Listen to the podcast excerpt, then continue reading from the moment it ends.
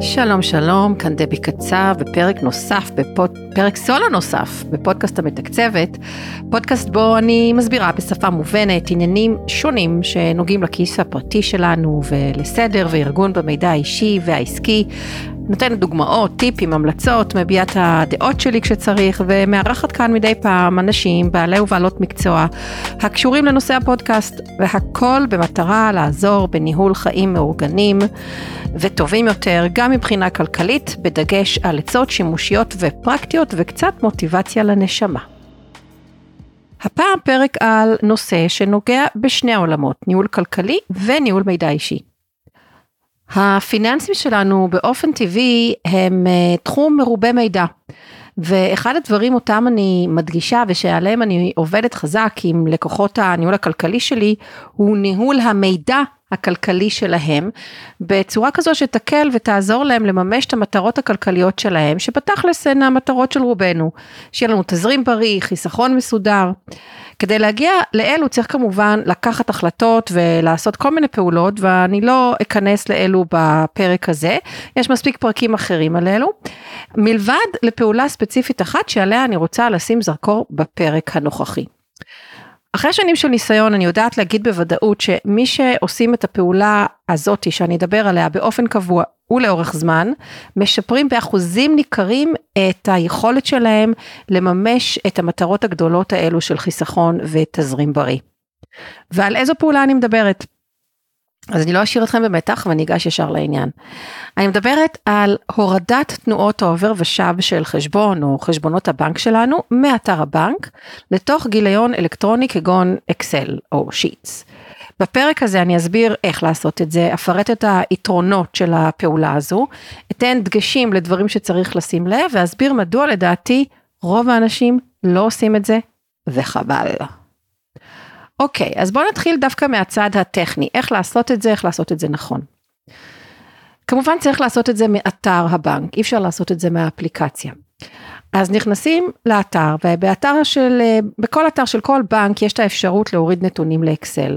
יש בנקים שקצת מסתירים את האפשרות הזאת, אז תחטטו קצת, תיכנסו לאזור של העובר ושב, תנועות בחשבון, וחפשו אייקון של אה, קובץ עם אקס עליו, כך זה באתרים של אה, בנק לאומי, פועלים ומזרחי, או את המילים שמירה והדפסה, ככה זה בבנק דיסקונט למשל, ואז שם ספציפית נפתחות אופציות, אחת מהן היא ייצוא לאקסל נגיד. נגיש. אוקיי, אז לוחצים על זה, ומה שיורד למחשב כשאנחנו נלחץ על האייקון הזה של האקסל, הוא קובץ עם שורות של הנתונים של, של הנתונים של התקופה שהגדרנו שאנו רוצים לראות על המסך. אני אומרת שעדיף לבחור לראות קודם כל על המסך ואז להוריד מה שנקרא טבלה מורחבת, לעתים יש אופציה כזאת בחלק מהבנקים, כי היא תכיל גם עמודה של הערות שרשמנו בעת אה, ביצוע הפעולה, העברה או כל דבר אחר. אני ממליצה גם שבפעם הראשונה שאנחנו מורידים נתונים, להגדיר לראות על המסך, ואז כמובן להוריד לאקסל, את התקופה המקסימלית אחורה שאפשר. רוב הבנקים כיום מאפשרים לראות לפחות שנה אחורה, וחלק מהבנקים תקופות אה, אחרות, אני אפרט על זה בהמשך. עוד טיפ שלי הוא להפוך את סדר התנועות על המסך כך שהנתון העדכני ביותר יהיה למטה בתחתית הרשימה ולא למעלה, זה נקרא תנועות לפי תאריך בסדר עולה, ועושים זאת בדרך כלל על ידי לחיצה של ה, על המילה תאריך בעמודת התאריך, ורק אחרי שאנחנו רואים את זה ממש בפורמט הזה, רק אז להוריד או לייצא לאקסל. ההיפוך הזה של התנועות לא אפשרי בכל אתר וכל בנק, אך ברובם כן. אגב, גם אם עשינו את זה וראינו על המסך את הנתונים בצורה הזאתי, זה לא מבטיח שהקובץ אה, ירד לאקסל בצורה כזאת. יש אה, בנקים עם מערכות לא מאוד ידידות, ידידותיות אה, בהמרה לאקסל, כשהקובץ בהם לא, לא יורד עם סדר הנתונים הפוך. אלא לא רק עם הבעיה הזאת, אלא לפעמים גם יורדי, זה, הוא יורד עם תאים ממוזגים, דבר שמפריע לנתח את הנתונים ומצריח עוד קצת עבודת uh, קוסמטיקה כדי לתקן את זה, כמו שאני קוראת לפעולה הזאת, לתיקונים האלה. אוקיי, okay, אז הקובץ ירד למחשב שלכם, תשמרו אותו בתיקייה נכונה, תנו לו שם מובן, חשבון בנק הפועלים, חשבון בנק לאומי של, איך שאתם רוצים, אה, תלוי גם כמובן כמה חשבונות יש לכם בכל בנק. ואני בכלל ממליצה לעשות אה, גיליון כקובץ אחד שכל חשבון הוא פשוט גיליון אה, נפרד באותו קובץ. once הורדתם את זה ופתחתם את ה, בעצם את האקסל הזה ואחרי ששמרתם אותו, אז קודם כל אני ממליצה לא למחוק אף עמודה. גם אם יש עמודות אה, ריקות שבמסד הנתונים הזה שהורדתם, בטח לא להחליף בסדר שלהן, והדבר הזה הוא חשוב כדי להקל על עצמנו בפעם הבאה שאנחנו נוריד נתונים עדכניים. ואם הזכר, כבר הזכרתי את הפעם הבאה, הרעיון הוא להוריד נתונים עדכניים בתדירות שמתאימה לכם, אבל לפחות פעם בחודש. כלומר, בעצם מה שיקרה זה שאתם תורידו קובץ חדש, ואת הקובץ הזה צריך להיכנס אליו, לעשות לו קופי לאותן שורות חדשות שלא נמצאות בקובץ הראשוני שבניתם, ואז עושים פייסט, מדביקים את השורות החדשות האלה בסוף השורות הקודמות בקובץ המקורי. אה, חשוב כמובן לבדוק שיש רצף של השורות האלה ועושים את זה לפי עמודת היתרה. צריך לבדוק שלא פספסתם שום שורה, שלא חסר שום דבר וגם שלא הכנסתם שורה פעמיים. וגם אם אתם כשאתם עושים את זה תוודאו שאתם לא משאירים אף שורה ריקה. יש לזה חשיבות אחר כך לניתוחים, לסינונים. ועוד דבר שחשוב לשים לב אליו, לפעמים כשאנחנו מורידים נתונים נגיד עד היום. ועוד, בעוד מספר ימים חוזרים לאתר של הבנק ומסתכלים על, אה, שוב על היום, אה, אז ייתכן שסדר הנתונים אה, על אותו יום, היום, יהיה קצת שונה בעוד מספר ימים. אם זה קורה, זה קורה בדרך כלל סביב הימים של חיובי האשראי, אבל לא רק, אז אם זה קורה, אז תתקנו, תשימו לב, תתקנו את זה, תמחק, תמחקו את מה שמיותר ומה שנראה לכם אולי אה, לא נכון, שלא היה מדויק אולי באותו יום של הקודם שהורדתם, הפעם הקודמת, אחרי כמה ימים זה, זה קצת משתנה לפעמים וזה מסתדר. וזה מזכיר לי משהו נוסף.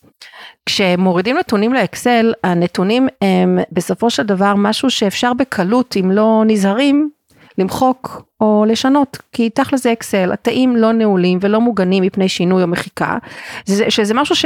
אפשר בתכלס לעשות את זה, אבל זה קצת מסובך וזה נועל את כל הגיליון ולא רק עיתונים שאנחנו רוצים שיהיו נעולים.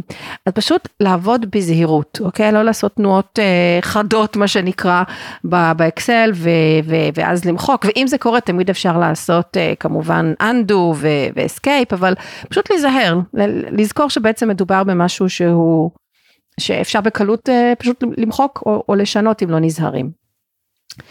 משהו שהוא קריטי בשלב הזה, אחרי שכבר הורדנו את, ה, את הקובץ אה, ושמרנו אותו וכולי, והוא בעצם ה-game changer. ומה זה? מדובר בהוספת עמודה בסוף העמודות שיורד, שיורדות אה, באקסל מה, מהחשבון, עמודה שאני קוראת לה הסבר, זה הטייטל שאני נותנת לה, ובה אנחנו נכניס את השכל שלנו, את הידע שלנו לאותו גיליון. אז מה נעשה בעמודה הזאת? אנחנו נסתכל על כל תנועה ונרשום בעמודה הזאת של ההסבר מה בעצם, במה מדובר. האם זו משכורת, ואם כן, זו משכורת של בן או בת הזוג, ואם יש לנו יותר ממקום עבודה אחד, אז משכורת מאיפה. אה, מדובר בצ'קים, אז אנחנו נבדוק מה זה הצ'ק הזה, בגין מה קיבלנו אותו, או אם אנחנו רשמנו אותו, אז מה זה, האם זה חתונה, ועד בית, פשוט נרשום באמת מה זה.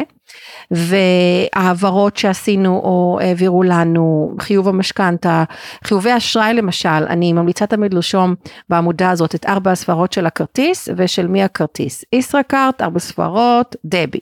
למשל.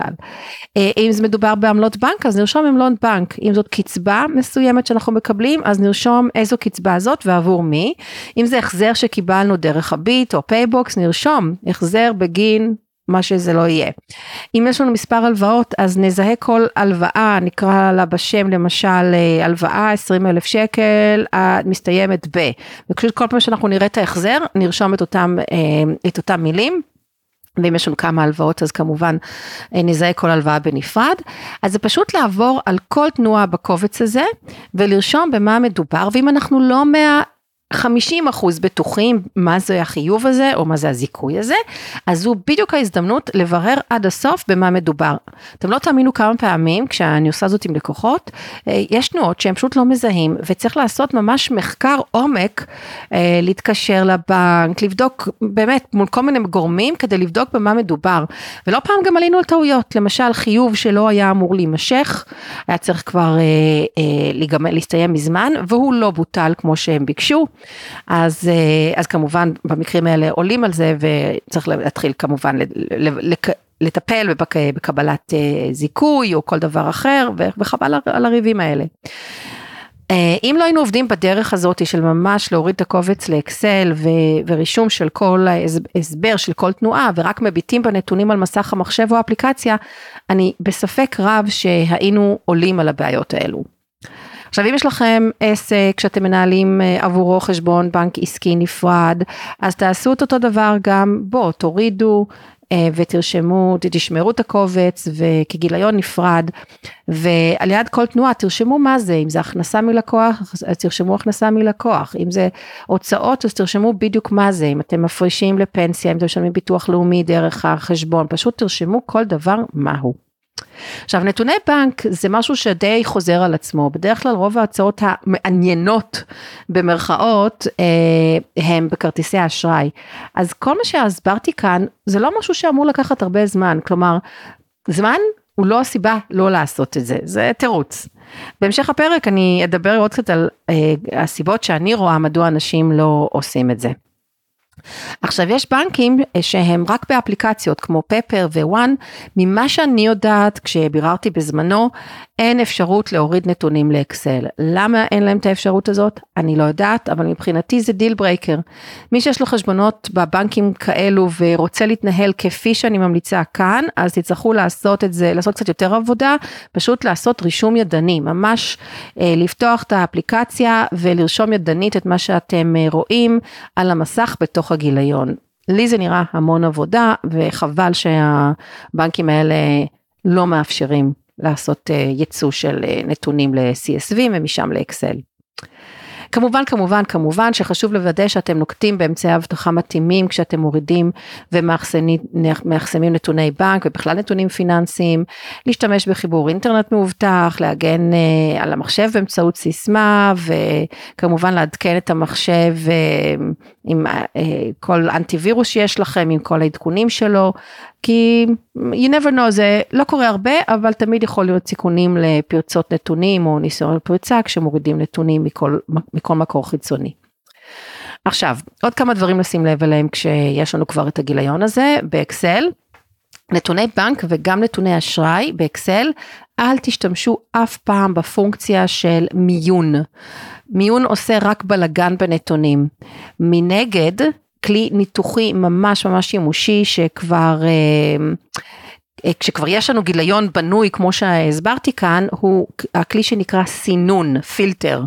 זה כלי שמאפשר לנו לראות בעצם כל פעם רק נתונים מסוג מסוים שאנחנו בוחרים, ו... והוא מסתיר נתונים שעשויים לבלבל אותנו בעיניים. כשאנחנו רוצים לבדוק דברים ממש ממש ספציפיים זה כלי מצוין, הסינון. אבל לא מיון. לשים לב כי הם נשמעים ונראים דומים, אבל לא, זה ממש ממש שונה. אם בא לכם, בואו נגיד ככה למתקדמים, אה, לשאפ, לשאפתנים שביניכם, אז אפשר גם להוסיף עמודה נוספת ליד עמודת ההסבר שהוספנו, שאני קוראת לה עמודת חודש. ושם ליד התנועה, ליד ההסבר, פשוט תרשמו את החודש והשנה, מרץ 23, אפריל 23, מה שזה לא יהיה, יש פורמט, אה, פורמט כזה מקוצר שאקסל יודע אה, לקרוא כתאריך, אז תרשמו את זה בפורמט הזה, וזה יכול להיות עמודה מאוד מועילה כשאנחנו רוצים לעשות אה, ניתוחים וסינונים שונים, אבל באמת זה כבר למתקדמים. אפשר גם ברוב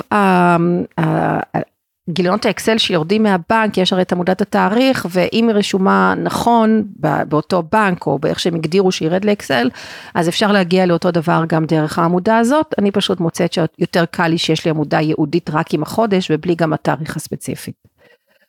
אוקיי, אז זה איך עושים את זה בפועל. הנושא הבא שאני רוצה לדבר עליו זה מדוע אני טוענת שהורדת תנועות העו"ש לאקסל זה כלי חשוב, ומה הפעולה הזאת ועצם החזקת הנתונים בצורה כזאת נותנים לנו. אז דבר ראשון, אני קוראת לזה היסטוריה, כי אין לדעת מתי בעתיד נצטרך לחזור אחורה ולבדוק נתון מסוים בחשבון, משהו שקרה בעבר, וזה קורה, זה אני, קרה לי אישית מספר פעמים וגם ללקוחות שלי, שהיינו צריכים לבדוק תנועה מסוימת שקרתה לפני טווח הזמן המוצג באתר, לו לא היה לנו את האקסל הזה, האקסל הרץ הזה כמו שאני קוראת לזה, היינו צריכים לבקש מהבנק את הנתון, וזה דבר שלא רק עולה כסף לרוב, אלא גם בעיקר לוקח זמן. אני אתן לכם דוגמה, פעם אנחנו נתנו צ'ק למישהו, אני עקבתי כל חודש חודשיים לראות אם הצ'ק הזה נמשך, הוא לא נמשך ואחרי חצי שנה הוא לא נפרע אז הנחתי שאותו בן אדם החליט אה, לא לפרוע אותו כי צ'ק תקף רק לחצי שנה. כעבור תקופה של יותר מחצי שנה נוספת, פתאום הוא מתקשר אלינו, מבקש צ'ק, חדש, צ'ק חדש, הוא פתאום שם לב, רק באותה נקודה, כבר יותר משנה אחרי שהוא קיבל את הצ'ק, שהוא לא הפקיד את הצ'ק שלנו. עכשיו, לו לא היה לי את האקסל שלי, לא הייתי מאמינה לו שהוא לא נפרק, אוקיי? כי לא הייתה לי דרך לחזור אחורה יותר משנה בחשבון הספציפי הזה. אה, והיינו נכנסים לוויכוח, או אה, היינו צריכים עכשיו לבקש דפי חשבון מהבנק וכולי, אבל בגלל ש... יש לי את האקסל ועקבתי, ידעתי שבאמת הוא לא הפקיד אותו, כמובן שאז נתנו לו, עשינו לו העברה בנקאית ונגמר הסיפור, אבל שוב, אם לא היה לי את החשבון הזה, את ה... באקסל, אז לא הייתה לי דרך לבדוק אחורה, שוב, כי אותו חשבון ספציפי, אי אפשר לראות נתונים יותר משנה אחורה. אז עכשיו אני אפרט לכם אה, את, את הבנקים שאני יודעת לפחות כמה זמן אחורה הם אה, מחזיקים. אז אני יודעת שנגיד בדיסקונט זה באמת שנה, 12 חודשים, ואם אנחנו רוצים אז אפשר שלוש שנים אחורה, אבל זה רק ב-PDF וההפקה לא נוחה בכלל. ויש כל מיני דברים שפתאום קופצים וצריך לשנות פה ולשנות שם, לא נוח. בנק הפועלים זה עד שנתיים אחורה, מזרחי שנה אחורה, וכמו דיסקונט בעצם, ולאומי שלוש שנים אחורה. בנקים אחרים אני לא יודעת להגיד, אבל אה, אפשר לראות את זה בקלות כשנכנסים לאזור הזה שאמרתי בחשבון הבנק. עוד סיבה ש, שזה כלי חשוב זה סיבת הניתוח.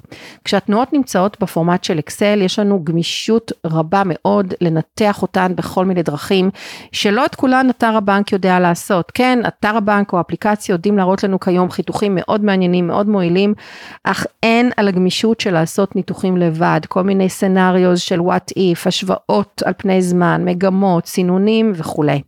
כל אלו יכולים להראות לנו כל מיני דפוסי הוצאות והכנסות שעוזרים בסופו של דבר לשפר את התמונה הפיננסית שלנו. כמובן שזה רק כלי אחד מתוך כמה שבהם כדאי להשתמש כדי לנהל, לנהל את התקציב שלנו כמו שצריך, אה, אבל זה לא נושא הפרק, על הדברים האלה אני מדברת בפרקים אחרים. עוד סיבה היא אה, תחזית. ברגע שהנתונים נמצאים מול העיניים שלנו באקסל על המחשב, אפשר בקלות לעשות תחזית קדימה. ועל בסיס היתרות הצפויות במועדים הידועים קדימה, אפשר לקחת החלטות לגבי העברת כספים מחשבון לחשבון, או משיכת כספים, שינוי מועדי חיוב וכולי, וכך להימנע מכניסה למינוסים, או לעבור חלילה את המסגרת. סיבה אחרונה, אמ, נוחות, לפעמים יותר נוח לפתוח את האקסל מאשר להיכנס לאתר הבנק, גם אם מדובר בלבדוק משהו מהזמן האחרון שבאתר או באפליקציה אפשר לראות, לפעמים דווקא יותר נוח לפתוח את האקסל, לראות מה, מה היה, לרשום אולי איזה הערה ליד תוך כדי, אז אה, הנוחות. Uh, לפני שאני אני אסביר למה אנשים לא עושים את הדבר הזה, אני רוצה לתת uh, דוגמה נוספת, הפעם מלקוח. לא מזמן אותו לקוח, שזה מישהו שאני מלווה מעל ארבע שנים, ביקש לבדוק נתון מסוים לאורך כל השנים מאז שהתחלנו לעבוד ביחד. וזה איזשהו נתון שקשור לנכסים שברשותו. עכשיו, בזכות זה שיש לי את הגיליון הרץ הזה, שאני מתחזקת אה, ארבע שנים, אפילו קצת יותר, כי התחלנו, כשהתחלנו לעבוד אז לקחנו כבר שנה אחורה, אז יש לנו בערך נתונים של מעל חמש שנים, יכולתי לתת לו את התשובה תוך דקות בודדות, תשובה שבלעדיה הוא לא היה יכול לקחת איזה החלטה, לעשות איזה צעד פיננסי מאוד מאוד חשוב, שהיינו הוא, הוא ובעצם ביחד, כי לקחנו את ההחלטה בסוף ביחד, ההחלטה הייתה צריכה להילקח תוך שעות ספורות. לו, אה, אה, לו היינו במצב של לחכות לקבל את ההיסטוריה מהבנק שלו, לא רק שהייתה מגיעה כמסמך PDF ו- ו- ולא אקסל, ואז היינו מסתבכים עם המרה לאקסל, אז גם זה היה לוקח כמה ימים. אז אה, לא יכולנו לקחת את אותה החלטה אם היינו צריכים לחכות לזה. עכשיו עוד דבר שאני רוצה לשים שתשימו לב אליו שגיליון תנועות בחשבון לא מהווה תחליף לתדפיס בנק רשמי. אה, אם תצטרכו תדפיס שכזה לצרכים כלשהם נגיד באיזושהי תביעה משפטית או לקבלת הלוואה אז תצטרכו ממש את התדפיס הרשמי. אז אני ממליצה במקביל להורדת אה, אה הנתונים לאקסל גם להוריד ולשמור במחשב ובענן או בענן את קבצי ה-PDF שהבנק שולח כל חודש או כל חודשיים משהו כזה לתיבת הדואר באתר. אז עכשיו אני אדבר קצת על הסיבות מדוע אנשים, רוב האנשים לא עושים את זה. אז, אה, אז באמת בעוד כל הפעולה הזאת של הורדת נתוני חשבון שוטף לאקסל יכולה להיות בעלת יתרונות רבים וכפי שמניתי, לא כל אחד עשוי להרגיש בנוח או בטוח לעשות את זה, יכולות להיות לכך מספר סיבות. אה, והנה כמה סיבות שאני שמעתי מאנשים, מלקוחות, ממתעניינים. קודם כל חוסר מודעות. ייתכן שחלק מהאנשים, אה, אתם יודעים מה? לא ייתכן, זה בוודאות, חלק מהאנשים לא מודעים לכך שהם יכולים בכלל להוריד נתוני התנועות שלהם מהאתר אה, לאקסל, או, אה, או שהם לא מודעים ליתרונות שבכך, כמו שמניתי, כמו שמניתי קודם, והם חושבים שצפייה בנתונים באפליקציה זה מספיק, כבר הבנתם שלא. עוד סיבה היא דאגות לגבי אבטחה. יש אנשים שעשויים להסס להוריד את נתוני התנועות שלהם עקב חששות לגבי אבטחה. הם דואגים שהנתונים עלולים להיפגע אם יורידו אותם למחשב שלהם לגבי סיכון של אה, פרצות נתונים או גישה לא מורשית למידע שלהם. באופן כללי אין לדאגה הזאת שום בסיס, אך תמיד כדאי שיהיה לכם אנטיווירוס טוב במחשב בכל אופן. עוד סיבה היא מיומנות טכנית. יש אנשים שחסרים את המיומנות הטכנית להוריד ולהשתמש באקסל או בשיטס, גוגל שיטס ביעילות, וייתכן שתהליך ההורדה והסידור של הנתוני התנועות שלהם, כמו שהסברתי, הוא קצת overwhelming עבורם, לכן הם מעדיפים להסתמך על הדוחות המודפסים של הבנק שלהם. כמובן את הדבר הזה אפשר לפתור על ידי איזושהי הדרכה, רוב האנשים אחרי הדרכה כן יבינו איך לעשות את זה. וללא קשר לגיל, גם גילאים יותר מבוגרים, לימדתי לעשות והם עושים את זה יפה מאוד. Uh, עוד סיבה אילוצי זמן, יש אנשים שעשויים להרגיש שאין להם זמן להוריד את הנתונים, לקטלג אותם, במיוחד כאלה שיש להם מספר רב של, uh, של תנועות או של חשבונות. שוב, כפי שהסברתי קודם, זה בדרך כלל לא כזה אישו, זה לא לוקח הרבה זמן, אבל לכו תתווכחו עם אנשים שחושבים שאין להם זמן, בדרך כלל זה זה, יש שם סיבה אחרת, יכול להיות שזה קשב וריכוז, דברים כאלה, אה, אבל הם אומרים שזה זמן וזה בסדר, אני לא אתווכח, למרות שבתכלס זה לא מה שלוקח הרבה זמן. עוד סיבה היא שאני קוראת לה סיבת האמון בבנק. אנשים מסוימים עשויים פשוט נורא, פשוט מאוד לסמוך על הבנק שלהם, אה, שהבנק שומר רישומים מדויקים, הם כנראה לא יודעים שבעצם אין אה, רישום היסטורי זמין, מעבר למה שאמרתי שנה, שנתיים, שלוש, הם מאמינים שאם יצטרכו הם יוכלו להפיק את זה ואולי לא אכפת להם גם לשלם ושזה ייקח זמן. אולי עכשיו אחרי אם הם ישמעו את הפרק הזה הם יבינו ש... אה, באמת הבנק כן שומר נתונים אבל זה לא כזה פשוט להוציא אותם. הסיבה האחרונה היא פחד או חוסר מוטיבציה, ואלו לדעתי הסיבות השכיחות ביותר. אנשים רבים מפחדים בכלל להיכנס לחשבון הבנק שלהם, שלא לדבר על לנהל אותו או לנתח את הנתונים, כי הם חוששים שיראו שם תמונה לא כל כך יפה, תמונה עגומה, ופשוט מעדיפים לטמון את הראש בחול, ולא לקחת, לא לדעת ולא לקחת שום פעולה כדי לשפר את זה. ויש אנשים אחרים שפשוט לא מבינים את הערך בהורדת אה, נתוני התנועות שלהם לאקסל, אז אין להם שום מוטיבציה, כי כדי uh, לעשות משהו אנחנו צריכים להבין את הערך, אולי שוב אחרי הפרק הזה הם יבינו ויקבלו קצת מוטיבציה לעשות את זה.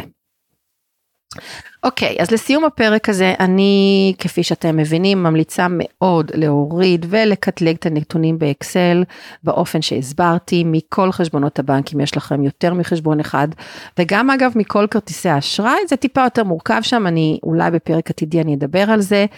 מה שכן, אל תסתכלו בצפייה פסיבית בנתונים באפליקציה או באתר. אני עושה את הדבר הזה עם הלקוחות שאני מלווה באופן רצוף, בכל תחילת חודש. אני מלמדת את ה... ההתנהלות הזאת, איך לעשות את כל הדבר הזה למי שמגיעים אליי ללמוד, לעשות את המעקב והניתוחים האלו בעצמם. אם uh, יש לכם בני נוער שכבר מנהלים, יש להם חשבונות בנק בעצמם, אז גם אני ממליצה שתעשו את זה גם איתם. אני למדתי כבר את המתבגר שלי לעשות את, לפחות את החשיבות של לעשות את זה, ואנחנו יושבים ביחד כל חודש ועושים את זה, מורידים נתונים, מוסיפים הסברים איפה שצריך, עושים צפי קדימה, וכך הוא יכול uh, לדעת, uh, וכך הוא יודע בעצם איך הוא יכול להתנהל בהמשך החודש. וכמובן שהורדת הנתונים והניתוח הזה הם רק כלי אחד, כמו שאמרתי קודם, והכי טוב לשלב את הפעולה הזאת עם אה, מעקב הוצאות יומיומי באפליקציה כנגד תקציב אה, הוצאות מוגדר, ועוד פעולות ששוב, זה לא המקום לדבר עליהם, ואני מדברת על הדברים האלה בפרקים אחרים.